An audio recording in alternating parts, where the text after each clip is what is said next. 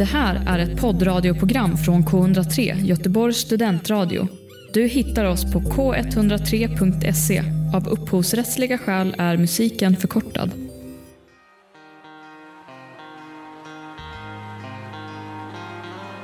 Jag tänkte på det under matchen och efter matchen att fan vad jag hatar alltså alla spelare i Arsenal. Alltså alla tittar jag på med liksom avsmak.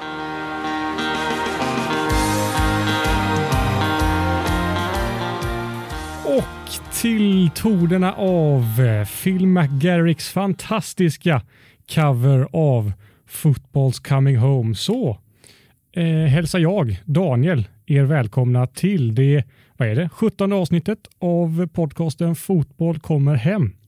Som ni hör är det inte superproducent Harry Magder som sitter i programledarstolen. Det är heller inte vår andre slips som programledare Jesper Ahlkrona, utan det är jag, glider in som tredje slipsen Eddie Gustafsson.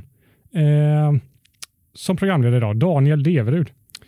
Eh, vi har ett otroligt manfall i studion här idag. Eh, ing, jag sitter faktiskt helt ensam.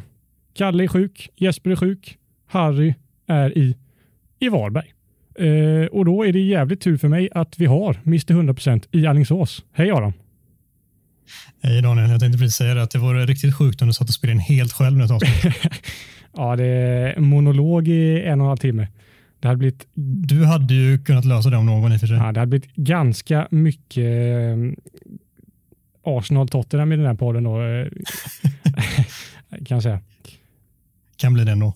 Ja, eh, ja, hur mår du Adam? Nu finns det ingen annan fråga så att eh, ingen kan säga att eh, man alltid frågar dig. Nu måste jag fråga dig. Hur mår du? Mm, jo, men jag mår bra tack. Mm. Jag, vi konstaterade senast att jag mår som United spelare och vi vann ju i helgen så då mår jag bra. Mm. Inte konstigt än så. Mm. Men hur är läget med dig? Det är kanske en fråga som är ännu viktigare att ställa. Ja, jo, men det är bra. Jag ska erkänna att jag är lite smånervös att sitta i programledarstolen. Eh, dock skönt att eh, jag har Mr 100% med mig som ju är poddens poddens, eh, vad ska man säga, mest rutinerade poddare. Det är du. Ja, den eh, känns som att jag ändå får ta på mig efter eh, två års poddande snart. Så absolut, och jag kommer ju vägleda dig hela vägen, hålla dig i handen. Mm, det känns eh, väldigt, väldigt skönt. Ehm, jag tänker innan vi eh, hoppar in på eh, Premier League och tar ner Premier League-helgen. Så vi spelar in detta tisdag Klockan är 14.29 och för ja, en dryg timma sedan så eh, hade Jan Andersson eh, presskonferens. Och eh, är det en bomb Adam? Nej, det var en ganska dåligt bevarad hemlighet. Eller? Eller alltså, det är klart att det fanns ju de som fortfarande var lite osäkra på om det kommer att ske, men jag i alla fall känner mig väldigt trygg med att han skulle bli uttagen till landslaget ja, efter vad det, fem år utan. Ja, ja, det är exakt det, det jag syftar på som eh, bomb och det var väl Många, jag såg många på Twitter skriva att den stora överraskningen är väl egentligen att Andreas Granqvist är med. ja, det, där, där satte jag verkligen eh, kaffet i halsgropen när jag läste att Granqvist var uttagen, för det var nog ingen som hade räknat med överhuvudtaget. Sen förstod jag det som att Danielsson egentligen skulle varit med, men att uh, han inte fick resa på grund av sin kinesiska klubb som inte släpper sina spelare. Det, samma gällde ju Gustav Svensson. Ja, men att Granqvist ens uh, är tilltänkt som en, någon form av reserv känner jag är ren galenskap. Han har gjort, vad han gjort, uh, inte ens en hel match på senaste året. Typ. Ja, det är jävligt märkligt, men uh, dela rutin och lite så vänskapsband som han har ändå gjort, eh, han har gjort en del bra grejer i landslaget de senaste åren. Det känns lätt att plocka in ja. honom istället för att plocka in en, en nykomling.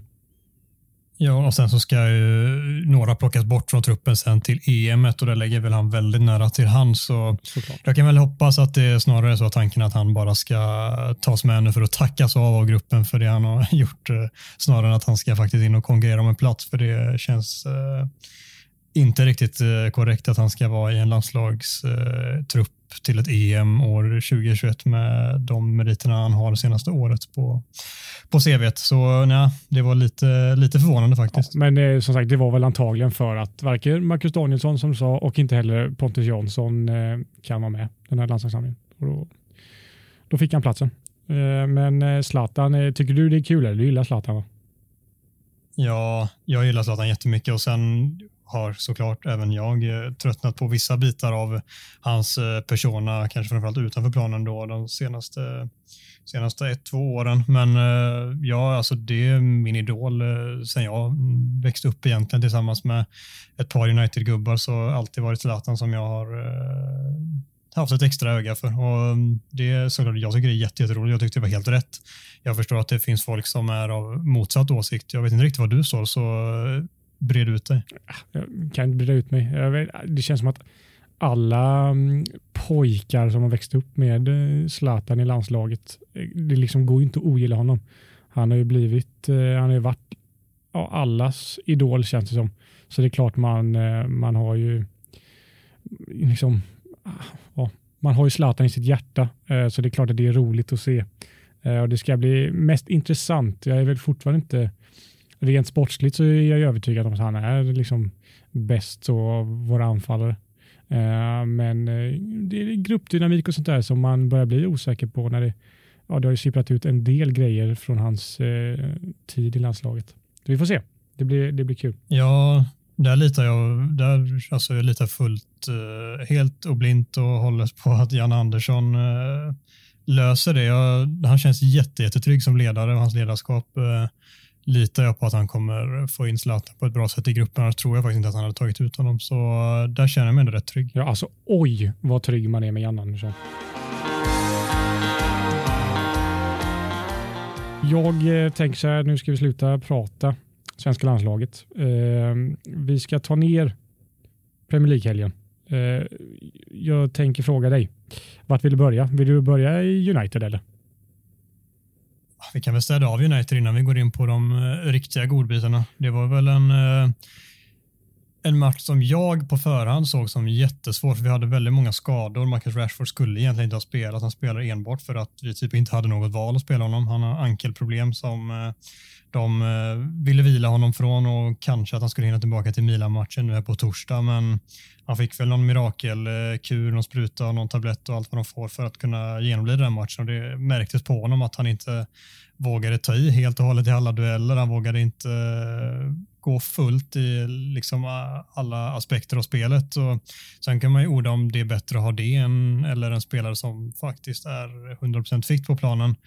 Svårt att veta. Vi vann matchen till slut i alla fall, så det kanske var rätt så länge det inte visar sig vara ett problem som gör att han långsiktigt eh, får bestående men som gör att han kanske har problem resten av säsongen. Han har redan en axelskada och fick en allvarlig ryggskada förra säsongen som han eh, brås med till och från. Så det är en, eh, en, spelare som jag hade unnat lite vila och kanske få bukt med en av skadorna så han slipper jobba tre skador resten av säsongen och med ett EM som väntar och sen försäsong och ny säsong på det. Det blir väldigt, väldigt lite vila för honom och då hade det kanske varit vettigt att uh, ge honom eh, lite tid att läka kroppen. Men oavsett så kom han till spel. Vi fick ihop en hyfsat bra startelva men en bänk som knappt hade ett uh, intressant namn på den. Det var Amar Diallo som uh, fick hoppa in och debutmåla mot Milan som såklart vattnar i liksom munnen och se på, och få se på den stora scenen och i Premier League också. Men det är ett väldigt oprövat kort så det det kändes inte jättemuntet på förhand med ett West Ham i bra form som jagar segerplatser. Leicester vann dagen innan, vi halkade ner till tredjeplatsen.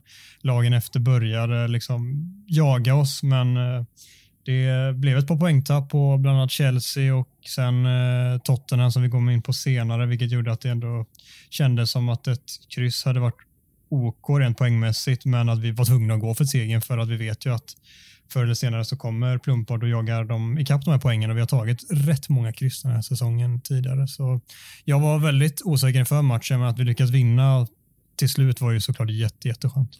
Mm, jag eh, såg inte matchen, jag har sett eh, highlights för att jag visste att jag skulle vara programledare så jag måste ha någonting att säga. Eh, jag tyckte att eh, vi har ju diskuterat lite Mason Greenwood i eh, podden tidigare och han, han har inte riktigt sett ut som han såg ut eh, i slutet på förra säsongen där han ju var extremt bra.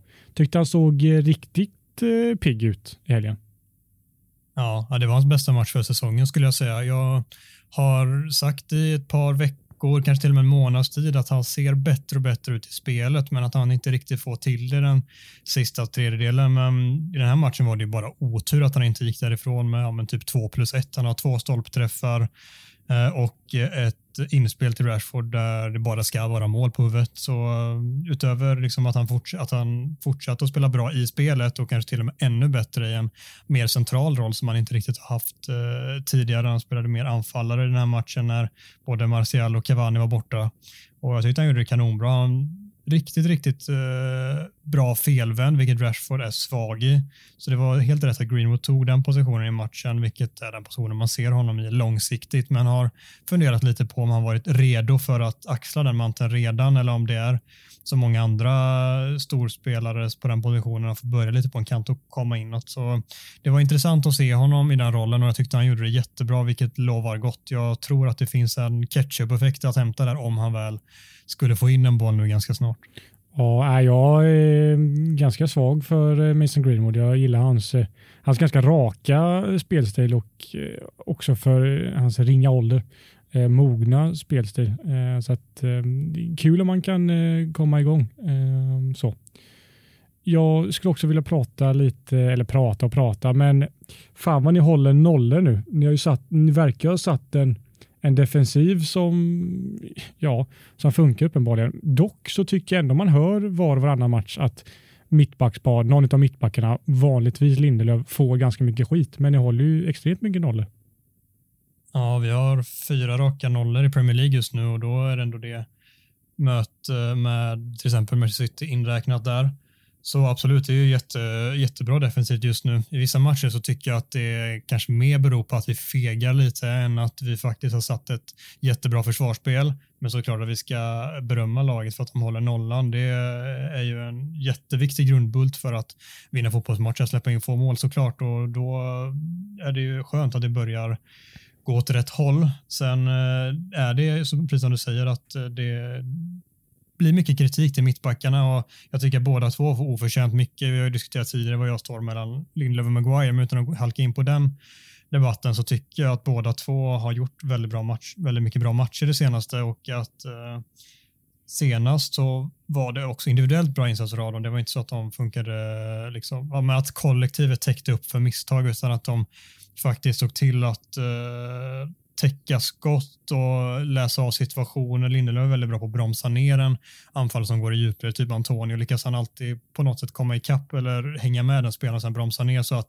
han inte riktigt kommer loss. Det är han väldigt bra på. Så är de två tillsammans gjorde det jättebra. Det är skönt att få hålla noll och det lyfter bara självförtroendet i laget. Och Dean Henderson har ju faktiskt stått tre raka av dem, kanske till och med alla fyra, lite osäker, men det är såklart jätteskönt för honom som har kommit in i laget att han fått eh, hålla nollan och inte att det har landat på honom att vi typ släppt in mål eller så, utan att han kanske snarare har gjort, eh, gjort bra ifrån sig och bidragit till att det har blivit hålla nollor. Mm. Nej, fan, det, det känns som att ni mår, eh, ni mår ganska bra. Jag, det, jag lyfter bara på hatten. Ni känns eh, starka. Som du sa, det var ett ganska sargat United som, som tog emot West Ham och, och eh, ni löser det. West Ham saknar inte många spelare. De saknar ju er gubbe Jesse Lingard som har varit extremt bra senaste matcherna. Så det var väl tapp för dem såklart. Eh, men de har ju stört de flesta ja. lag. Eh, och ni löser ja, det ändå. Det, det som jag, jag tycker går att ifrågasätta är snarare David Moyes taktik i den här matchen. Alltså han gick dit och spelade med sexbackslinje med fyra spelare framför i princip och bara ställa upp en mur i en match där det känns som att de snarare bara borde gå för det. De möter ett Manchester United med trötta ben efter Milan i torsdags. Uh, fick en plump där, där de kvitterar i 92 minuten. Skadeskjutet. Vi är inte jätte, jättevassa på hemmaplan även om vi har gått bra i ja, men typ, jag tror det var en förlust på senaste 21 så liksom, vi vinner inte jättemycket matcher hemma utan det blir rätt många kryss också. Så Mois taktik var förvånansvärd. Jag, jag förstår honom att man kan tänka precis som United oftast har svårast mot att man backar hem laget och försvarar ganska lågt och kontrar för att vi har ganska svårt att ta oss igenom och luckra upp sådana försvar. Men vi här fanns, vad brukar man säga, jag hittar inte svensk ord, men there for the taking, alltså det fanns ju läge verkligen att försöka blanda sig i den här topp fyra striden ordentligt. De är ju absolut med fortfarande, men en seger här och de hade ju sett som genuina konkurrenter om den platsen. Och, eh, vet du vad, jag tänkte faktiskt exakt samma, samma grej när Tottenham mötte West Ham för några veckor sedan när vi förlorade. Jag var helt säker på att, eh, att Ja, men att de skulle bjuda upp och an, spela anfallsfotboll med de spelarna de har framåt, så det är klart de ska göra det. Och mot oss, vi liksom, fan vi är ihåliga. Det, Vi har ett gäng clowner i försvaret, liksom. det är klart man ska anfalla.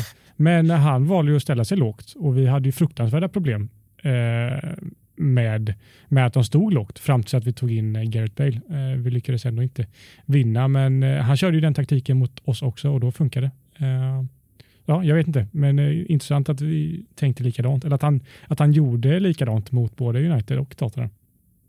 Ja, och han ska ju såklart ha jättemycket beröm för vad han har gjort med West Ham den här säsongen, men jag tycker att det märks i den här typen av matcher när det faktiskt står rätt mycket på spel och det är de matcherna som man behöver vinna för att lyckas bryta sig in i topp fyra. Då räcker han kanske inte riktigt hela vägen, men ja, det, som sagt, han ska ha jätteberöm och de löser troligen en Europaplats, vilket är bättre än vad någon hade tippat förmodligen. Så cred till honom. Ja, ja för fan. Är, han kan egentligen göra hur han vill för att det är ingen som kan ha kraven på honom att han ska sluta topp fyra. Uh, du snackade om att det var en, eh, en ganska uddlös United-bänk. Det var inte så att uh, heter han Anthony Elanga satt på bänken? Nej, han är ju faktiskt skadad, men det är kul att du nämner honom. Eh, jag lobbar lite för att vi kanske kunde tänka oss att prata om honom just för att han är svensk och han, förra året vann han Jimmy Murphy Award som bästa unga spelare i klubben som liksom spelar Mason Greenwood fick, år, fick det året innan och många stora spelare har fått det genom åren.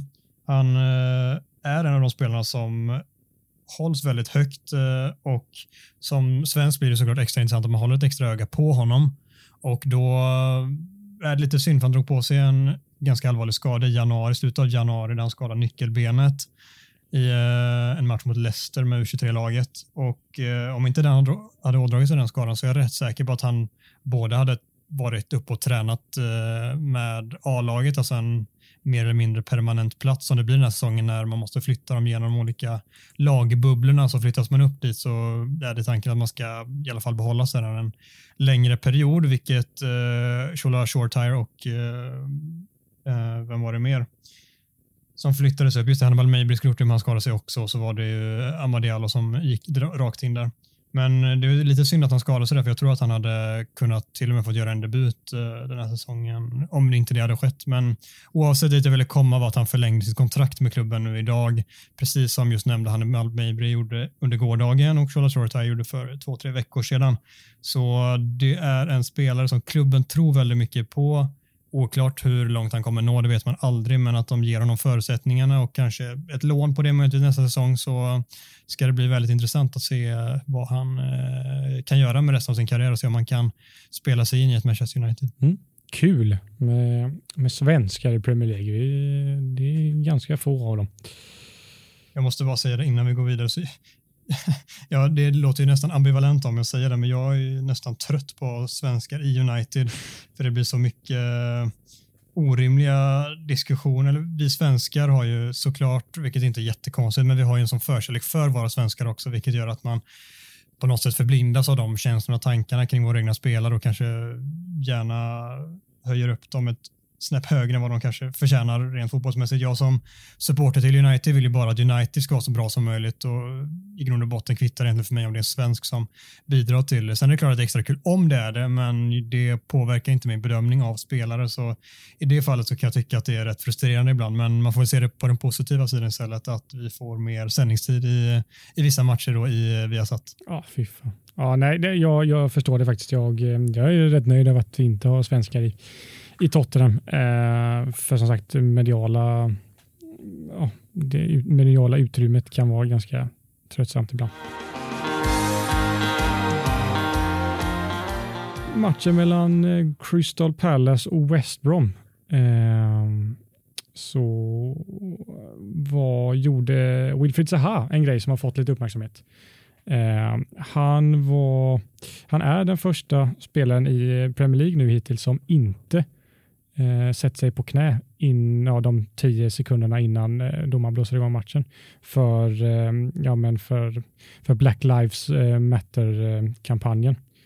Eh, han, eh, han stod upp och var då den första spelaren i Premier League som tog det steget. Vad, eh, vad, hur går dina tankar där? Då? Det var ju någonting som han har lobbat lite för tidigare, att han går i de tankebanorna. Jag tror det var någon podcast, kan det vara Talksport? Skitsamma vilka han gästade. Han eh, pratade om det där att det är lite har, det har bara blivit som en vanlig eh, matchförberedelsegrej nu och det, är inte en, det blir inte en stor grej av det, vilket det egentligen var tanken för att man ska lyfta upp det. Nu är det liksom ingen som höjer ögonbrynen för det eller lägger märke till det längre för det har blivit en del av bara matchförberedelserna och att han då tänker att det typ om han ställer sig upp istället så får det mer uppmärksamhet. Han tycker att det liksom har förbrukat sin, vad säger man, sin mening helt enkelt. Mm, ja, men, ja, men exakt så. Nu har det nästan blivit mer att man man kanske himlar lite med ögonen att uh, just det, matchen är inte igång än, de ska sätta sig ner på knä. Att det, är så här, det blir bara en slentriangrej som man nästan kanske ja, stör sig man på. Man tänker inte vad det betyder Nej, exakt, kanske. Exakt. Ja, exakt. Eh, och lite det där uh, all lives matter-grejen han, han står för. att uh, Han sa väl i någon intervju efter det här att han liksom ja, men växte upp med föräldrar som att, mm, säger att man ska vara, vara stolt för, för ja, men den man är och, och, och sådär. Uh, jag känner att jag jag, eh, vi i Fotboll kommer hem podcast är väl inte, vi brukar kanske inte ta upp så seriösa och politiska ämnen i våra podcast. Men jag tyckte ändå det var, jag tycker det kan bli intressant att se om spelare följer det här och vi har ju sett det i, i Championship. Brentford har gått i bräschen där för att inte sätta sig ner på knä. Så vi får se, ja, får se om några följer. Ja, och det har väl blivit, eh, om man, alltså vid första anblicken om man ser att ett lag väljer att nej, vi tänker inte sätta oss ner för Black Lives Matter, då kan man ju tänka, om man inte är påläst, att eh, vad är det för eh, liksom avskum, rasister-ish. Men ja. nu när man får hela bilden av det och faktiskt förstår vad det är de försöker göra med det och varför de väljer att göra det mm. så kan jag förstå att de väljer att göra det. så kan man säga. Absolut. Jag fick faktiskt tanken eh, förut att undra hur diskussionen hade gått om det inte var Zaha som gjorde det utan kanske istället, jag vet inte, Chris Wood i Burnley. Mm. Zaha som är svart och Chris Wood. Ja, Exakt. Det, ja, det, det, hade blivit helt andra reaktioner såklart. Exakt. Och det, ja, det kan man ju säga vad man vill om, men det var nog bra att det kanske var just så som gick i bräschen för det. Mm, jag tror det. Så vi får se, följa, behöver kanske inte följa upp det, men eh, jag tror ändå vi kan få se eh, förändring och förändring, men färre folk som, som sätter sig ner innan matchen. Ja, och vi kan väl lägga till också, jag tror Zaha sa det i sitt, han släppte ett pressmeddelande, ish, eller officiellt eh, statement om varför han gjorde det. Och då tror jag han sa också att det, vi har gjort det så länge nu och folk får fortfarande jättemycket rasistiska tillmälen till sig på typ sociala medier. Vi har ju haft fler diskussioner om det där massa spelare har fått hur mycket som helst. Det har blivit stora grejer av det. Och Eh, då tycker väl han också att det känns meningslöst. Varför ska vi göra detta? Det verkar inte ha någon som helst effekt. Då kan vi nog hitta andra sätt som motarbetar rasism bättre än just detta gör just nu. Det var jättebra grej där och då från stunden när det började och under en bra period, men nu är det typ lite förbrukat. Så tolkar jag det som att han menar och det, det kan man ändå köpa tycker jag i alla fall. Du sa det. Då har vi avverkat eh, Manchester United, West Ham. Det är ditt lag Adam. Eh, är ju inte i studion, vår Liverpool-man, så att eh, du och jag får inte föra hans talan, men vi får diskutera Liverpool-matchen som spelades eh, måndag kväll. Eh, Liverpool mötte, eh, spelade borta mot Wolverhampton, vann med 1-0. Liverpool är tillbaka på, på vinnarspåret och fan att man undrar, ja, hade det på känn. Alltså. Det skulle ju vända någon gång och de vann, eh, de vann båda matcherna mot Leipzig i, i CL och de eh, Alltså jag tycker att de spelar ganska bra egentligen. Det är vissa matcher de har varit ja, men under all kritik. Eh, till exempel förlusten mot Fulham kanske. Eh, då var de inte bra, men i mångt och mycket under den här svackan så har de spelat ganska bra fotboll. Så att eh, jag tror inte hört många liksom räkna ut Liverpool, Liverpool från topp fyra. Jag tror inte vi ska göra det. Nej, och det har ju flera av deras egna supportrar också gjort sagt att nej, men topp fyra, det, det, är typ kört nu. Och det har jag aldrig känt personligen att det är för dem, för just det som du säger, de först och främst så har de ett jätte, alltså en jättehöjd i sig. Visst de har mycket skador, men precis som du säger så tycker jag också att de har sett hyfsat bra ut i spelet. I perioder mer än hyfsat bra, i perioder mindre än hyfsat bra. Men rent generellt så har de ju spelat bättre än vad de kanske fått ut i poäng. Och sen att de vann mot Leipzig, det känns som en helt annan grej, för då får de ut och andas annan luft än i ligalunket där det har så här, gått stå i det. Mm. Men att de vann där mot Leipzig två gånger kändes ganska väntat också med tanke på att Leipzig passade ju på som handen i handsken spelstilsmässigt. Men eh, att de bygger vidare på den och sen då vinner borta mot Wolves och det är såklart Diogo Jota som gör målet. Vi vet ju vad eh, Niklas Holmgren skulle ha sagt till det. Uh, eller var det han som kommenterade matchen? Jag kollade utan ljud. Jag, jag eh, kollade inte matchen, jag tittade på highlights. Men jag tror inte det var okay. Holmgren, för då, det hade ju varit släkten i vers. Såklart. Såklart. Nej, men, men det är ju också kul att det, var... alltid stämmer. Eller? Alltså, han, kan, han kan ju alltid säga det, för det är alltid, du gör ju alltid en bra prestation mot ett gamla lag. Så är det alltid. Ja, så är det. Det, det vi har varit kritiska till är snarare att han letar upp någon uh, spelare som har typ gjort uh, två månader i klubben på lån när han var 14 bast. Men i övrigt så absolut, det, det, det är typ alltid så. Ja. Men uh, i alla fall dit jag tänkte komma lite med Liverpool är ju att de har sett bättre ut än vad de kanske fått ut och nu är det, jag tror jag det fem poäng upp eller någonting till CL-platsen. Det är inte alls omöjligt beroende på om de kan tugga vidare och framförallt vända trenden på Anfield, vilket tror jag blir nyckeln. Där har de ju fem raka torsk och har vunnit en eller två matcher sedan början på december. Typ. Det, det funkar inte alls när de spelar där. Så lyckas de bara få bukt med det spöket så tror jag att de har en genuin chans att rå på ett till exempel då Chelsea. Det är väl främst om de ska jaga och jo. sen kan både vi United och Leicester slippa, slippa upp och halka på det jäkla bananskalet. Eh, såklart, det ligger väl kanske framförallt lite i Leicesters eh, vana att göra det som gjorde förra sommaren, eller säsongen. Ja. Så eh, ja, jag ser det absolut inte som kört och att de fått upp eh, formen lite grann. Det, det är få matcher att bedöma det på, men det känns i alla fall som att de kommer trumma igång lite nu. Ja, för jag tänker, jag tycker man, jag går ju ofta och jämför med, eh, med Tottenham och båda lagen har ju haft eh, jävligt jobbig, jobbig period efter årsskiftet framförallt. Skillnaden är ju just som vi har sagt att Liverpool har ju i sina förluster fortfarande spelat ganska bra, haft tendenser, de skapar lägen. Men att det sitter kanske lite i huvudet att det kanske står 0-0 ja, framåt 80 och man har fortfarande inte lyckats göra mål och då blir man lite rädda och sen så kommer den kontringen och så släpper man in. Tottenham, alltså om man, ja, exakt, kollar man på Tottenham så har de varit liksom klappkassa i alla matcher och sen så råkar de vinna tre stycken mot pissgäng på grund av enskilda prestationer. Uh, så att det var ju det jag var inne på förra veckan och kommer komma in på det senare när vi pratar om Tottenham, att man ska nog inte... Jag är lite trött på den liksom kortsiktiga tänket i fotboll, att man, visst, det, klyschan lyder att man är inte bättre än sin senaste match, men du får en, för att döma ett lag borde du ändå kolla på deras prestationer över en, en lite längre period än just senaste två, tre matcherna kanske, utan du får ju kanske kolla senaste månaden, två månaderna eh, tycker jag.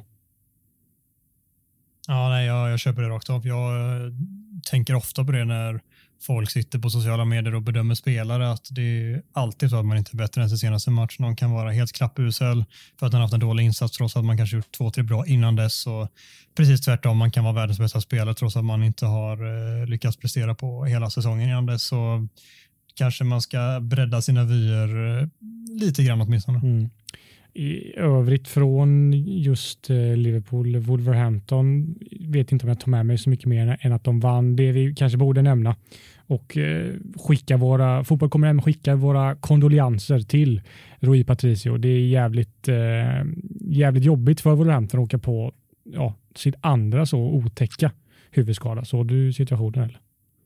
Ja, jag gjorde ju faktiskt det och det kändes ju, det, jag tyckte det kändes ganska snabbt som att det här är allvarligt, men eh, det kanske inte alla reagerade på direkt, men det, det kändes på sätt som han låg efter ja, duellen. Jag kommer inte ihåg vem det var, Connor Code, det var som ja, det var knät ja, eller egen spelare eller Ja, uh, nej men det, att det sker just Wolverhampton och att det är hemma på Molineux på precis uh, liknande sätt som med Raúl Jiménez några månader tidigare. Det, det är såklart att det känns fruktansvärt och ja, obehagligt och väcker många jobbiga minnen till liv tror jag för uh, hela den truppen och alla som jobbar kring det laget. Man, de zoomade in Raúl Jiménez mm. satt på läktaren direkt när det skedde, vilket Ja, det var obehagligt, men det lät i alla fall på, eh, på dem efter matchen som att han hade ja, att det var helt okej okay med Patricio, att det kanske inte var så allvarligt i alla fall. Nej, det var så. Äh, för jag, jag var ju inte, som du sa, jag tyckte ju inte att det såg så farligt ut i, alltså, i, precis när det hände.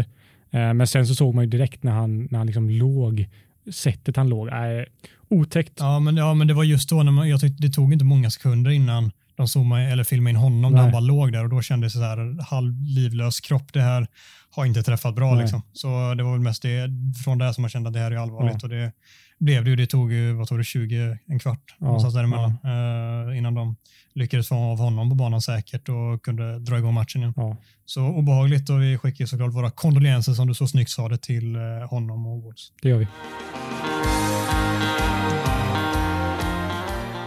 Då var um, United avverkade, eh, Liverpool var avverkade, då är det, i, då är det mitt kära Tottenham och eh, Jesper och Harrys kära Arsenal kvar att avverka och passande nog så var det just Arsenal-Tottenham som mötte varandra helgen i ett North London Derby.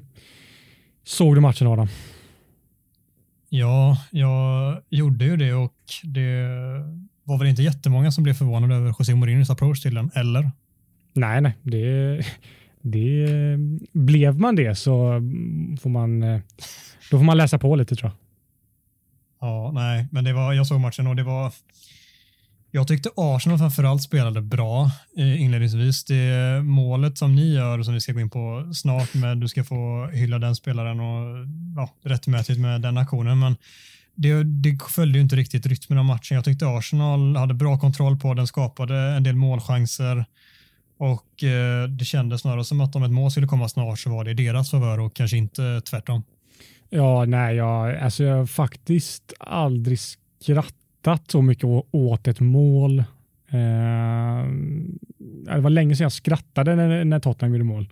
Eh, för det var bara... Det var inte, det var inte ett primalskrik utan det nej, var, nej, nej, det, det, var, det var, ja, det var gapflabbet. För alltså, det var ju dels, som du säger, matchbilden. Att vi på vårt första skott på mål gör mål och att Erik Lamela gör mål på det jävla sättet är helt otroligt. Han plockar fram Rabonan såklart. Ja, och det var ju... Han kan ju inte skjuta med högen så det, han var ju tvungen ja, att labba fram ja, Det är det som också är roligt, att han, inte, att han vägrar använda högerfoten. Det är så stört. Då. Eh, men det är, det, är skit, alltså det är skitsnyggt, för det är ju inte tur. Han vet ju precis vad han gör. Ja, det är placerat nere vid stolproten. Ja. Det är inte så att han drar dit den och hoppas på det bästa, utan han försöker ju sikta ner där och så går den rakt ner i hörnet där. Och, ja, det, jag, jag gillar absolut inte Lamela efter hans situation med Martial tidigare på säsongen, men det är bara att sträcka på sig och applådera för det målet. Det var ett fantastiskt fotbollsmål. Ja, du är inte ensam om att inte gilla Lamela i fotbollsvärlden. Ehm, det vill jag lova. Men eh, alltså, ja. Jag känner, ganska, jag känner ganska mycket efter den här matchen. Framförallt känns det lite som att jag jag, alltså under den här perioden nu, ja, typ efter årsskiftet, så har jag nog aldrig i mitt liv sett saker så, så tydligt vad gäller Tottenham. Alltså jag har ofta liksom sagt vad jag tror det ska bli i matcher och sådär. Och så har jag fått skit för att jag är pessimistisk. Men alltså, jag, också, jag hatar att vara den personen som eh, inte är ödmjuk och bara pratar om sig själv och vad man tidigare sagt och vad var det jag sa killen. Men jag tycker att jag varit väldigt, väldigt rätt på, på det vad det gäller Tottenham senaste tiden. Eh, som jag sa förra veckan, eh, jag visste att vi inte skulle vinna matchen. Eh, för att, och som jag sa tidigare i podden och även förra veckan, att folk, jag tyckte folk lurades av att vi, vi, vi, vann, liksom, ja, vi vann fyra matcher i rad innan denna. Det var Wolfsberger, österrikiska liga, jag vet inte, sexan, det var Burnley hemma, det var Fulham borta, det var Crystal Palace hemma. Det är pissgäng eh, och vi vinner på grund av enskilda alltså enskild briljans av, av Gareth Bale.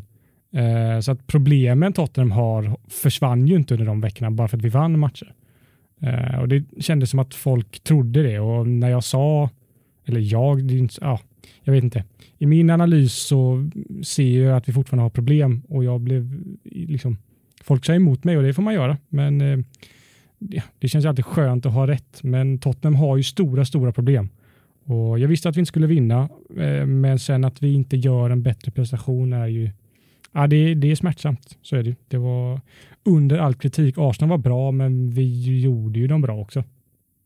Ja, ni lät ju dem spela efter sina bästa sidor, alltså att just hålla bollen inom laget och nyttja Martin Ödegård och Emil Smith Rowe framförallt kanske som var väldigt bra tyckte jag. Mm.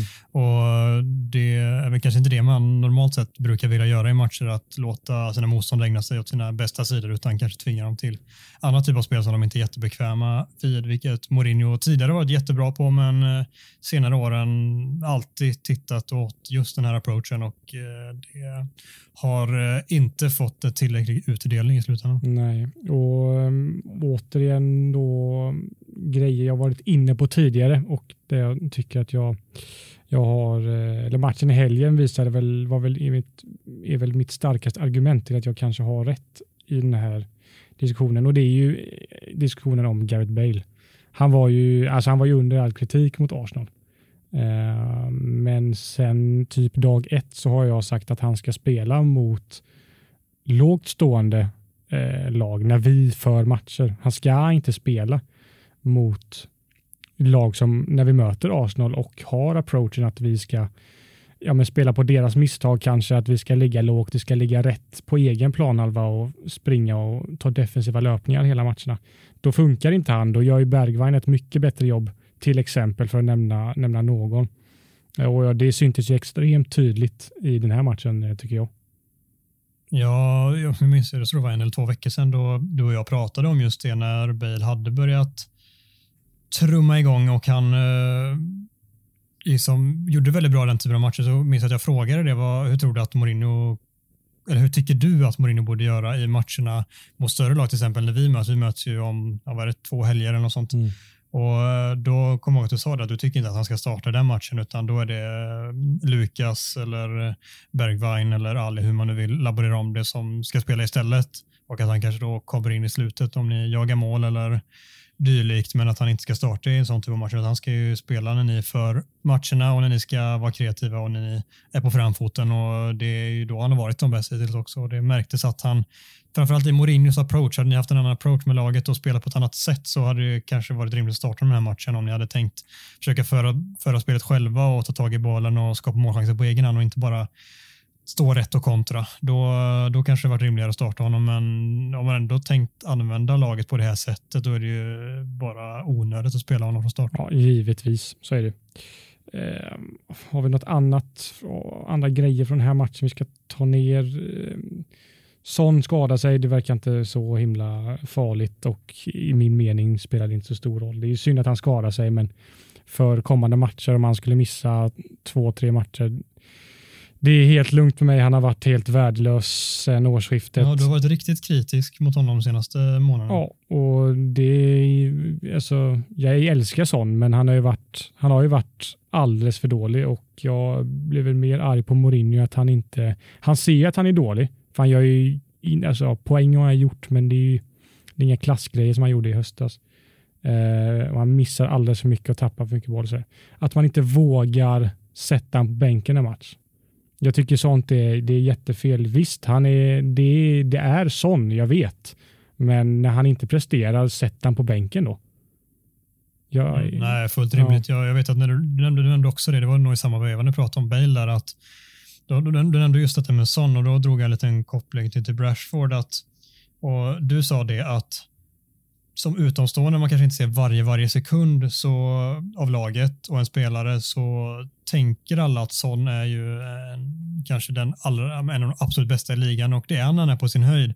Men folk missar ganska ofta de här matcherna eller de här prestationerna som han står för med ganska jämna mellanrum och Son är Rashford också och då ska alla veta att jag älskar Rashford och jag tror att han kan slipa bort detta och bli en väldigt mycket jämnare spelare. Men det är ganska vanligt att folk kanske råkar se en highlight när den gör ett fantastiskt mål men då inte har sett hur det sett ut de andra 88 minuter av matchen typ. Så eh, det, det var en intressant sak du nämnde och då drog jag den parallellen just till Rashford. Så ja, men det, ja, jag, jag förstår helt vad du, mm. vad du tänker kring sån, ja, eftersom att jag har tänkt liknande kring en egen spelare i mitt lag. Ja, exakt. Ja, men, ja, du, du, eh, du förklarade det väldigt, väldigt bra. Det är verkligen exakt så. Uh, I den diskussionen då jag hade så sa jag att jag hellre hade spelat med typ Trossard i Brighton. Brighton. Brighton. Brighton, uh, jösses.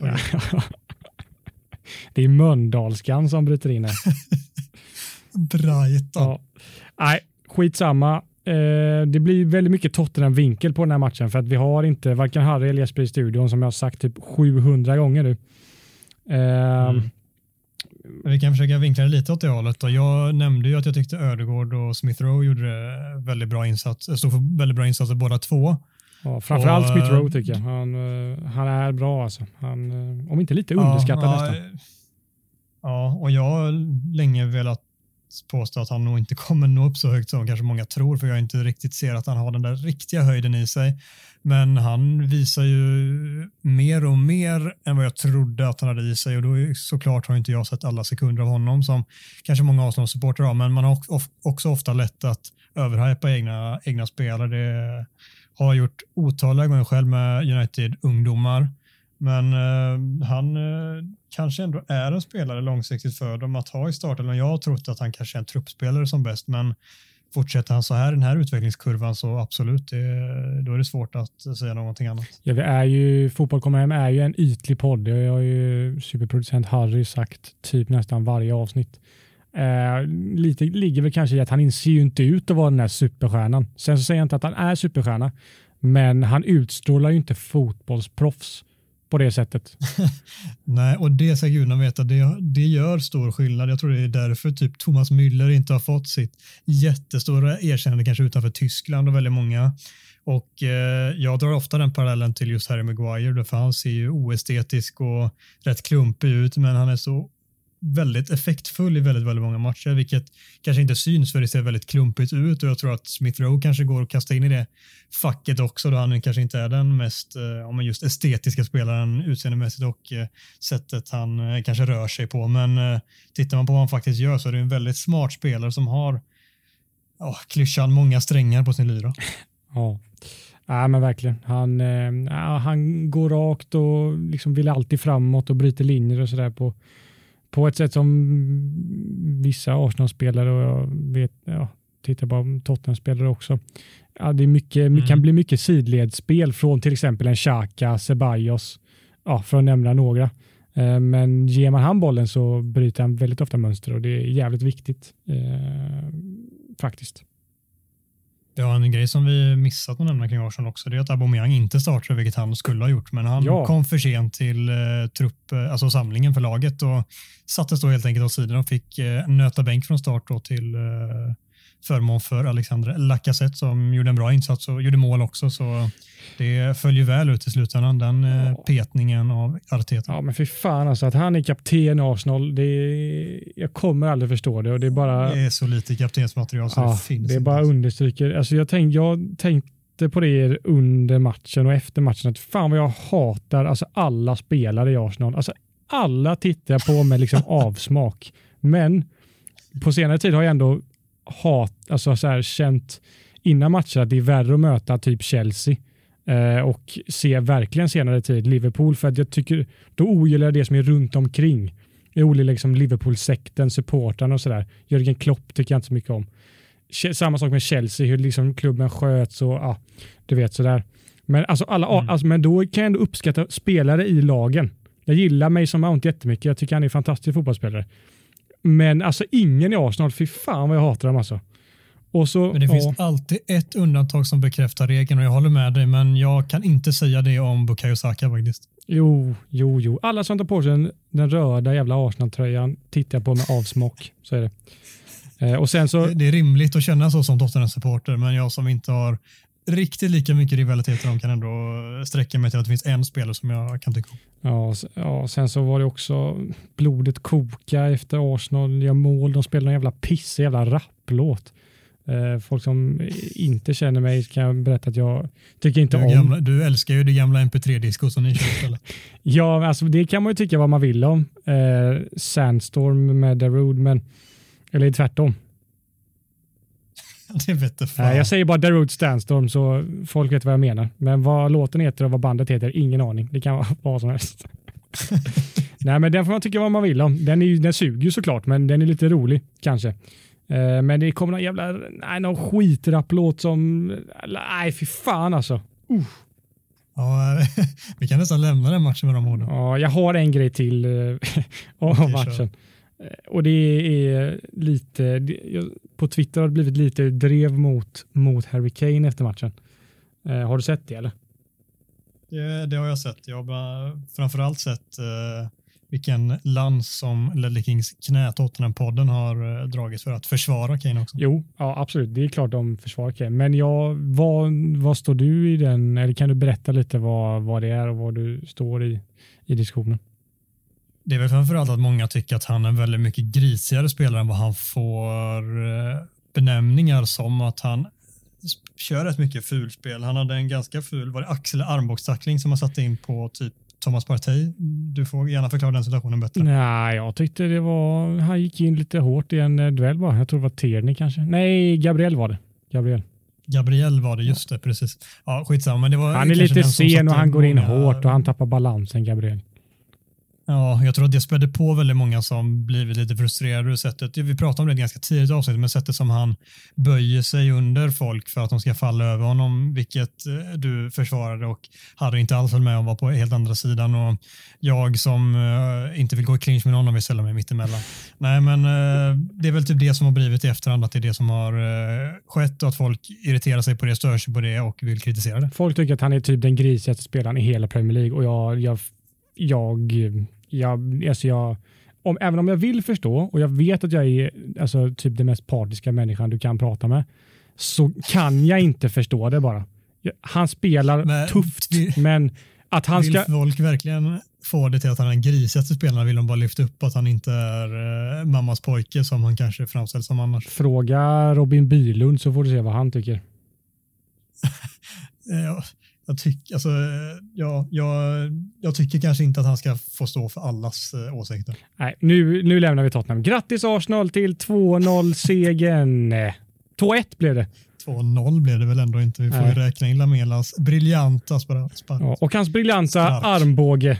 Alla Arsenal-spelare förtjänar armbåge i ansiktet. Så, nu bumper Harry.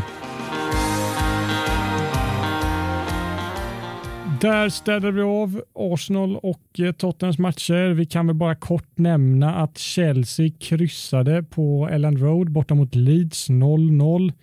Tuchel vann inte, men han håller återigen nollan. Starka papper. Jag måste bara säga, jag kom på en grej vi kan säga om den matchen och det är att det är ändå förvånansvärt att de inte lyckas städa av Leeds, för det har typ alla topplag gjort med ganska god marginal också. Ja, det är, det är faktiskt eh, stört. Jag vet inte riktigt vad som, jag såg, jag hade kastat ett getöga på, på matchen, hade den på i bakgrunden.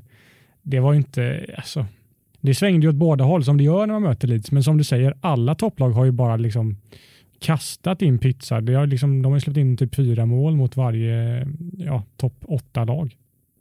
Mm. Men, eh, ja, jag ja. tror att ni har, ni har inte slått ett topp 8-lag sedan typ december, förutom ett lag och det är just Leeds. Ja, det är, ja, det är märkligt. Men han tar poäng och håller nollan i alla fall. Det, det får vi ge honom. Eh, Tuchel och Chelsea. Han tar med sig. Ja, verkligen. Mm. Eh, och City kan vi också nämna. De städade av eh, Fulham borta med 3-0 och kunde också rotera ganska kraftigt. Det är det, det, är det City vi är vana att se nu. Rotera och man eh, man, eh, ja, man drar sig i, i håret eh, ur eh, Fantasy Premier League-vinkel att eh, man blir bortroterad. ja, det, det, kan man verkligen göra, men eh, det går ju också att imponeras över sättet som Pep bara, han har ju såklart en bättre trupp än någon annan, så det är inte så mycket sämre spelare han ställer på banan istället liksom när man kan rotera ett lag och ändå spela typ Agüero. Men oavsett så eh, är det ändå imponerande att fallhöjden är så låg med att göra byten och rotera så pass friskt i elvor att de ändå kan åka och städa av ett Fulham som har varit rätt bra i flera månader nu och varit svåra att, att bryta ner och många har haft problem med. Åker dit och städar av dem eh, sitt grundspel och trygghet som finns i det laget. Det, det är såklart imponerande. Ja, det är stört imponerande. Men ett lag som inte har stabilitet och trygghet och som ligger sopsist i Premier League och kommer verkligen åka ut med huvudet före, det är eh, Sheffield United som i veckan sparkade sin huvudtränare Chris Wilder min egna åsikt om det är att det är, är det, det är typ det kork, alltså mest konstiga beslut jag, jag varit med om. Alltså, skulle de sparka Chris Wilder borde de gjort det mycket tidigare den här säsongen, tycker jag. Nu är det ju bara jättekonstigt och direkt åker man på en 5-0 i sketan borta mot eh, Leicester. Uh, och jag tror verkligen att, alltså jag tycker att Sheffield United har Premier Leagues överlägset sämsta trupp, alltså sett till spelarmaterial. Och jag tror att det kommer vara ruskigt svårt för den som ersätter Chris Wilder att komma upp i hans nivå. Även, ja, de, visst de kommer åka ut, men de, vi kommer inte se dem i Premier League på ett bra tag. Nej, det tror inte jag heller. Jag tror dock att vad det verkar så är det snarare inte så att de har, nej nu är de tröttna på resultaten som de sparkar. Jag tror att tanken var nog att de skulle behålla honom och låta honom få eh, leda vad ska man säga, återmarschen till Premier League istället till Championship nästa säsong. Men eh, vad det verkar enligt Sky Sports eh, så var det snarare att han, Chris Wilder själv och klubben inte kom överens på ett par viktiga punkter om hur de skulle ta klubben vidare och att därför så gick de skilda vägar. Jag tolkade det som att det var så i alla fall och då kan jag förstå att det blir som det blir mer än om de bara hade fått nog nu och sparkat honom, vilket jag håller med det hade varit jättekonstigt. Okej, okay. ja, då kastade jag huvudlös kritik mot eh, Sheffield United utan att kolla fakta innan, som den journalist jag är. De kan ju få kritik ändå med tanke på att Wilder gjorde sånt fantastiskt jobb förra säsongen. Han nästan tog en Europaplats och sen fick ganska lite medel att jobba med i somras och det har lett till det det har lett till. Ja, Eh, vi, ja, vi behöver inte diskutera det så mycket mer. Jag tycker bara det var lite anmärkningsvärt. Eh, det var det. Ja, och som sagt, jag tror inte vi kommer se Sheffield United i Premier League på ett bra jävla tag. Nej, och vi hoppas verkligen att de drar med sig West Bromwich på, på köpet. Ja, det hoppas vi faktiskt. Segmentet Flanagan-kollen eh, säger vi varje vecka. Flyger inte. Eh, jag har tråkiga nyheter. Det flyger eh, inte den här veckan heller. Kan jag tala om. Jag har, jag har faktiskt ingenting på det. Han har inte, eh, jag har inte sett någonting på sociala medier. Eh, hans eh, lag Charleroi tror jag kryssa kanske. Jag vet inte. Skitsamma. Vi har ingenting på Flanagan. Så att vi... Nej, då ska vi inte försöka karva in något heller. nej, nej, jag bara svamlar. I alla fall för detta avsnittet. Ja, jag bara pratar massa skit. Vi släpper det och eh, går in på uh, lite fantasy Premier League. Vi, uh, vi har suttit och kastat skit på dig typ hela säsongen Adam. Du har inte legat sist för att du gör vår kära gode Jesper Ahlkrona som inte bryr sig ett skvatt om fantasy. Han ligger sist. Så att vi räknar bort han i studiokampen. Du har legat näst sist då eh, sist, bland, sist bland oss övriga. Och du har fått mycket skit och du har sagt att ah, men jag brukar vara ganska bra. Och det har vi hånat dig för. Men nu ska du få lite upprättelse för att du leder faktiskt studiokampen nu. Ja, det var väl inte ens förvånande. Jag tycker att jag har sagt det hela tiden att vänta bara björnen vaknar snart. Och här sitter jag ju överst på tronen och kommer absolut inte släppa den innan eh, säsongens slut. Så kan jag säga. När eh, domaren blåser i den sista visslan kommer jag stå överst på tronen den här säsongen. Ja, det är inte den ryska björnen som har vaknat, det är den allingsåska björnen som har vaknat. De är jävligt sega ska ni veta. Ja, de ligger i det länge har jag hört. det också.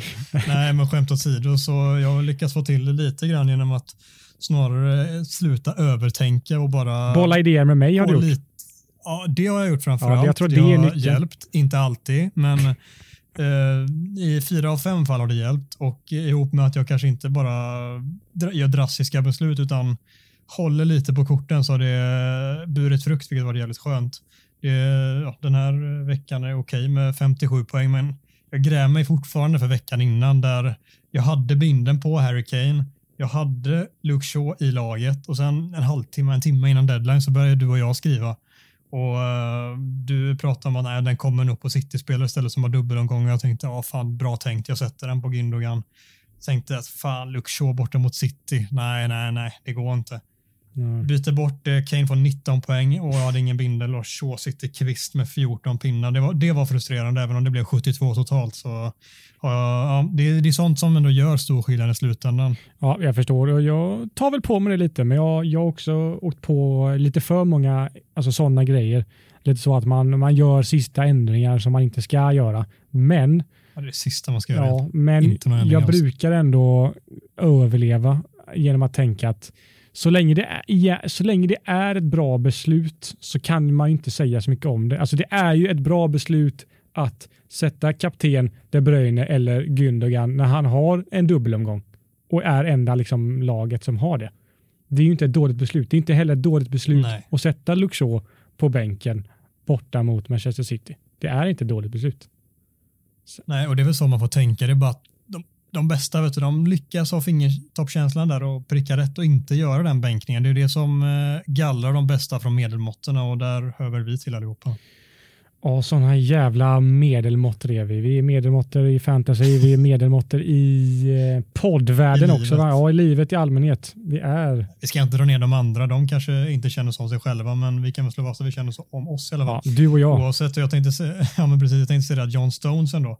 Det suttit fint på länge nu och det ja. verkar som att de flesta har hoppat på det tåget. Ja, men, men det, jösses vad mycket poäng han ja, gör. Men det var ju bara flyt. Du hade, det var ju bara för att du inte hade råd med Cancelo eller Diaz när de hade dubbelomgång där vecka. Nej, nej, nej. Jag hade Cancelo och bytte ut honom mot Stones. Nej, det tror jag inte på. Du kan eh, faktachecka nästan. Ja, men det är många som, många som har haft det flytet att de inte haft råd och så har de läst att ah, men John Stones är tillbaka nu, han kommer nog få spela. Och så har de, ah, men det får bli honom, det får bära ett bysta. Så har de haft sån jävla tur. Och så bara trillar din poäng. Ja. ja, det är kul när det går bra för andra. Eh, har du något eh, du tycker att vi inte har pratat om? Nej, det är väl om vi ska nämna fantasy. Eller, fantasy vi har, vi ju pratat om. Jaha, åh fan. Nej, jag tänkte säga fantasy nästa omgång, men jag Jaha. fastnade lite på den. Nästa omgång, det är rätt lurig med eh, när det är några lag som inte har matcher och eh, man ska försöka få upp ett fullt lag där. Hur resonerar du där? Jag resonerar med att jag, jag har inte fullt lag, eh, kommer inte få det heller. Jag kommer inte gå massa minus för att få det, för det är ganska pissiga gäng som spelar. Jag ska göra några byten, kommer gå fyra minus kanske. Får, vad tror jag, blir nio spelare totalt eh, i match. Men jag tror man får tänka lite långsiktigt att du kan inte liksom gå för tre Fulham-spelare, tre jag vet inte, Brighton-spelare för att då kommer du, du, kommer du sitta på, du sitter kvar på dem ja, i matcherna i gameweeksen efter, såvida du inte har ett free hit eh, att eh, tillgå. Mm, eller som jag då som har planerat för detta länge och har två fria byten nu, tänker kanske gå fyra minus, jag får in ett fullt lag och sen så har jag ett wildcard då direkt efteråt. Mm, så kan man göra, men om man är som mig och inte har några chip kvar, Jo, det har jag. Jag har triple captain. Men eh, jag har inga sådana där uh, luriga grejer. Jag har faktiskt också tänkt av dem. Det har jag. Du har ja, det? Jag, jag ett, Nej, men uh, givetvis sitter man i den sitsen så man ska inte trycka in massa spelare bara för att ha Nej. fullt lag i den här omgången. Nej, det tror jag absolut inte är rätt väg att gå Nej. för det är inga jättebra kamper. Det har varit en annan sak om City spelare och de hade ett Brighton hemma, eller ja, du fattar vad jag menar. Ja, det är den typen av eh, enkla matcher. Då, då kanske det är värt att lasta in för att ha en chans där. Men nu när det är så pass svåra matcher för de som spelar, eller ovissa matcher, så då är det inte värt det. Alltså. Nej, jag får se. Eh, det är den gameweeken vi har. Sen så är det ju faktiskt landslagsuppehåll. Så då kommer vi inte ha så mycket att prata om eh, veckorna framöver. Men inget annat eller? Nej, jag tycker vi har haft ett trevligt avsnitt och pratat om det allra viktigaste från veckan. Ja, det var länge sedan jag pratade så här mycket. Jag brukar ofta, ja, vi brukar vara fler i, i podcasten så att jag brukar ofta sitta och, och, analysera vad andra säger. Nu har jag fått hålla låda själv ganska mycket. Eller ja, med dig, men jag har pratat ovanligt mycket kommer kännas i halsen alltså sen. Ja, fy fan helt utmattad. Men eh, Harry, du rullar väl igång lite så smyg-outrot och så säger vi att eh, vi ska följa oss på alla sociala medier som går. Vi heter Fotboll kommer hem på Instagram. Vi heter FKH podd på Twitter och vi tackar er som har lyssnat. Tackar alla som eh, bidrar till den här fantastiska eh, podcasten. Fan vad dåligt det blev nu. Fy fan. Där tappade jag det. solljuset, traska på de grusiga gatorna och käka en glass. Ja, fan vad jag trodde att jag hade. Jag trodde att jag hade tagit över programledarstolen nu, men fan jag sumpade i slutet. Skit också. 94 minuten så ja. drar du på dig ett rött kort. Ja, satan. Ja, vi säger tack och hej. Det gör vi. Tja.